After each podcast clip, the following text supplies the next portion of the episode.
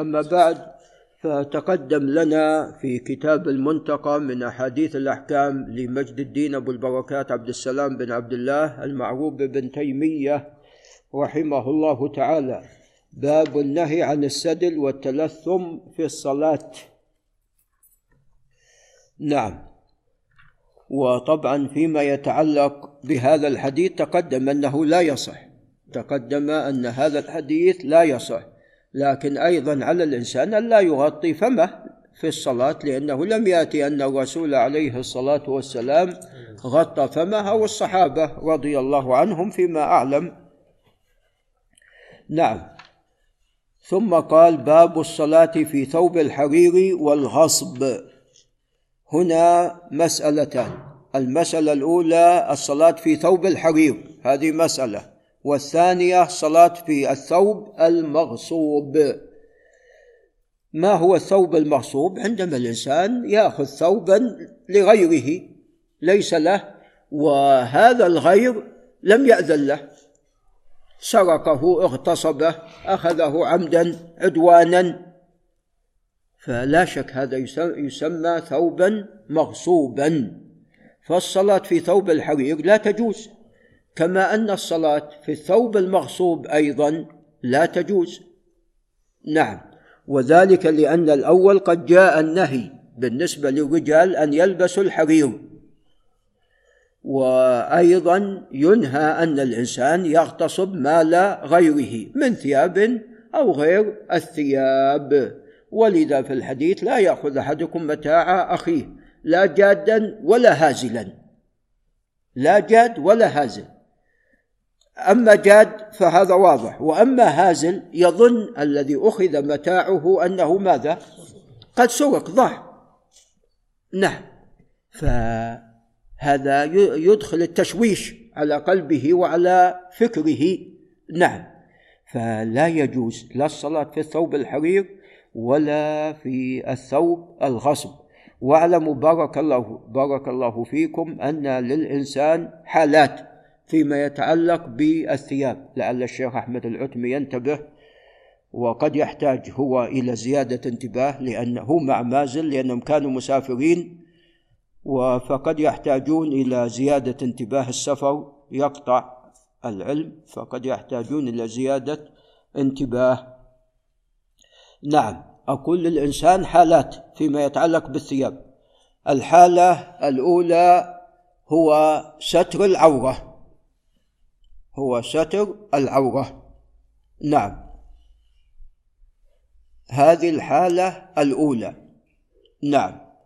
وتقدم لنا في حديث جابر إذا كان الثوب واسعا فالتحب به وإن كان ضيقا فأتزر به. يأتزر يغطي العورة.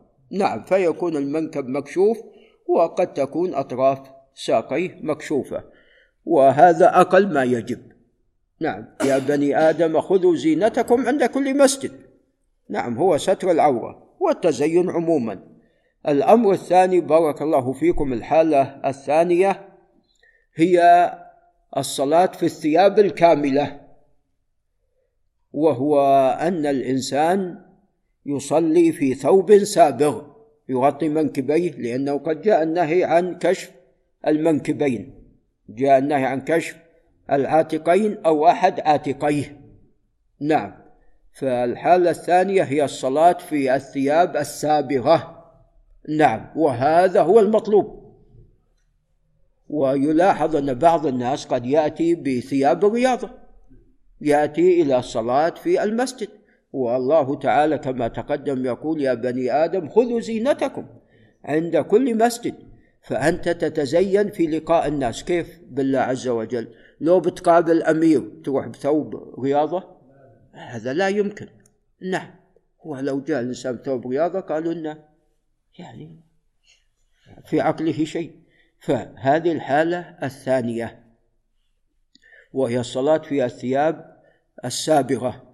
الحالة الثالثة بارك الله فيكم أن يصلي الإنسان في ثوب في الثياب التي جاء النهي عنها ومنها ثوب الحرير والغصب. فهذا لا يجوز. وقد اختلف أهل العلم. هل تصح الصلاة أو لا تصح؟ مع كونهم باتفاقهم أن هذا محرم. لكن الصلاة تصح أو لا تصح؟ فمنهم من قال أن الصلاة لا تصح. قال لأنه صلى في ثوب مغصوب أو حرير وقد جاء النهي عن ذلك. ومنهم من قال أن الصلاة تصح مع ماذا؟ مع الإثم. لا مع الإثم. نعم مع الإثم. قالوا وذلك أن النهي هنا لا يعود إلى ذات الصلاة وإنما يعود إلى شيء آخر يتعلق بالصلاة. إذا عاد النهي إلى ذات المنهي عنه أو إلى ركن من أركانه أو شرط من شروطه فهذا نعم يؤدي إلى بطلان العبادة. وأما إذا لم يكن كذلك كما هنا يعني أتى بالصلاة تامة وهو قد ستر عورته ولكن بشيء حرام.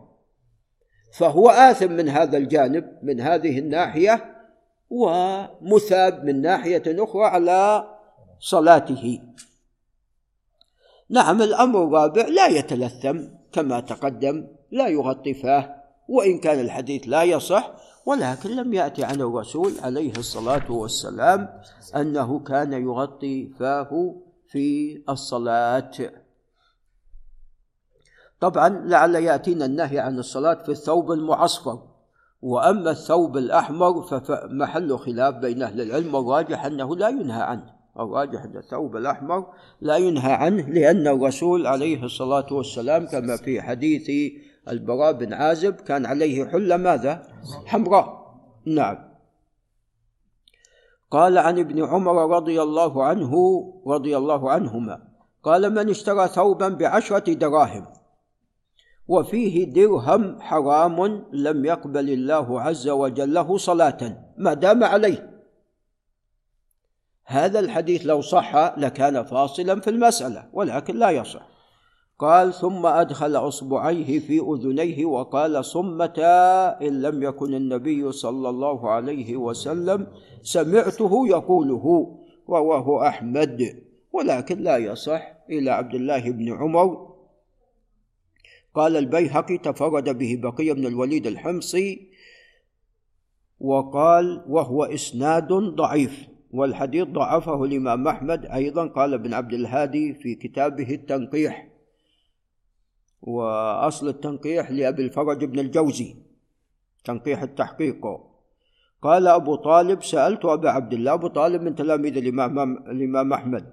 سألت أبا عبد الله أي الإمام أحمد عن هذا الحديث فقال ليس بشيء ليس له إسناد. نعم فهو لا يصح. قال وفيه دليل على أن النقود تتعين في العقود. نعم. ولا يلزم والله أعلم. يعني في نعم لكن إذا عينت تتعين عفوا إذا عينت في العقد تتعين نعم. النقود إذا عينت. اتفقت أنا مع أبو حمزة على أشتري من عند الحاجة الفلانية بعشرة دراهم. كتبنا في العقد يلزمني ولا ما يلزمني؟ يلزم. يعني عشرة دراهم دنانير ذهب. نعم على حسب ما يتفقان. الآن دولارات مثلا يعني كما هو مثلا في اليمن في لبنان مثلا. يعني العملة ساقطة فيتخذون عمل غير العملة التي عندهم. نعم المهم إذا اتفقوا على شيء يتعين. نعم إلا إذا لم يستطع فبدلها. قال وعن عائشة رضي الله عنها أن النبي صلى الله عليه وسلم قال من عمل عملا ليس عليه أمرنا فهو رد. متفق عليه ولأحمد من صنع أمرا على غير أمرنا فهو مردود. وهذا الحديث قاعدة من قواعد الشرع. يعني عندنا حديثان يدخلان في كل أبواب الشريعة. عندنا حديث إنما الأعمال بالنيات. لابد كل عمل تنوي فيه النية الطيبة الحسنة لله. الأمر الثاني أن يكون هذا العمل موافقا لأي شيء للسنة النبوية. نعم ما يكون بدعة ما يكون محدث شيء جديد ليس عليه دليل. واحد قال أنا اليوم نشيط بصلي العصر خمس ركعات. هل يصح؟ ما يصح. لو صلى ألف ركعة ما تصح صلاته. نعم. فهذا يعتبر قاعدة من قواعد الشريعة. من عمل عملا ليس عليه أمرنا فهو رد. متفق عليه. قال وعن عقبة بن عامر الجهني رضي الله عنه. قال اهدي إلى رسول الله صلى الله عليه وسلم فروج حرير. والفروج يقول هو شبه القباء والقباء هو ثوب ضيق. يكون مشقوق من ماذا؟ من الخلف. يكون مشقوق من الخلف وله كمان. ويلبس في الحرب والسفر نعم. فيقول اهدي إلى رسول الله صلى الله عليه وسلم فروج حرير فلبسه ثم صلى فيه. ثم انصرف. فنزعه نزعا عنيفا شديدا. قد يكون يعني جاء له الوحي بالنهي عن ذلك. لعل الابن عبد الملك ينتبه. فنزعه نزعا عنيفا شديدا كالكاره له ثم قال لا ينبغي هذا للمتقين. قد يكون يعني كما تقدم جاء له الوحي مثل ما جاء له الوحي وهو يصلي عليه الصلاة والسلام. وأن في نعليه ماذا؟ نجاسه قدرا فخلعهن وهو في الصلاة عليه الصلاة والسلام. نعم. ثم قال لا ينبغي هذا للمتقين فأهل التقوى لا يلبسون هذه الثياب. قال متفق عليه. قال وهذا محمول على أنه لبسه قبل تحريمه إذ لا يجوز أن يظن به أنه لبسه بعد التحريم في صلاة ولا غيرها ولا شك في ذلك. قال ويدل على إباحته في أول الأمر ما روى أنس بن مالك رضي الله عنه أن أكيدر دومه هذه دومة الجندل هذا الأكيدر يعني الرئيس الزعيم وكان نصرانيا ومن العرب من كنده أهدي أهدى إلى النبي صلى الله عليه وسلم جبة سندس. الجبة ما يلبس. أو ديباج قبل أن ينهى عن الحرير. إذا كان في الأول لا مباح. فلبسها مباح إلا إذا الإنسان اضطر للحرير. مثل ما حصل لعبد الرحمن بن عوف والزبير. أفتاهم عليه الصلاة والسلام بلبس ماذا؟ الحرير. كان فيهما حكة في جسديهما. والحرير ناعم. الحرير ناعم. فهذا يخفف ماذا؟ الحكة. فهم قد اضطر إلى ذلك. نعم. بخلاف مثلا الثياب الخشنة كما كانت ثيابهم من قبل الصوف وكذا قد تسبب يعني حرارة وحكة نعم. قال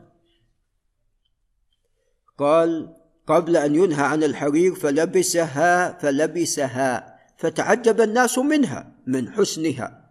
فقال والذي نفس محمد بيده لما ناديل سعد بن معاذ رضي الله عنه في الجنة أحسن منها. نسأل الله من فضله.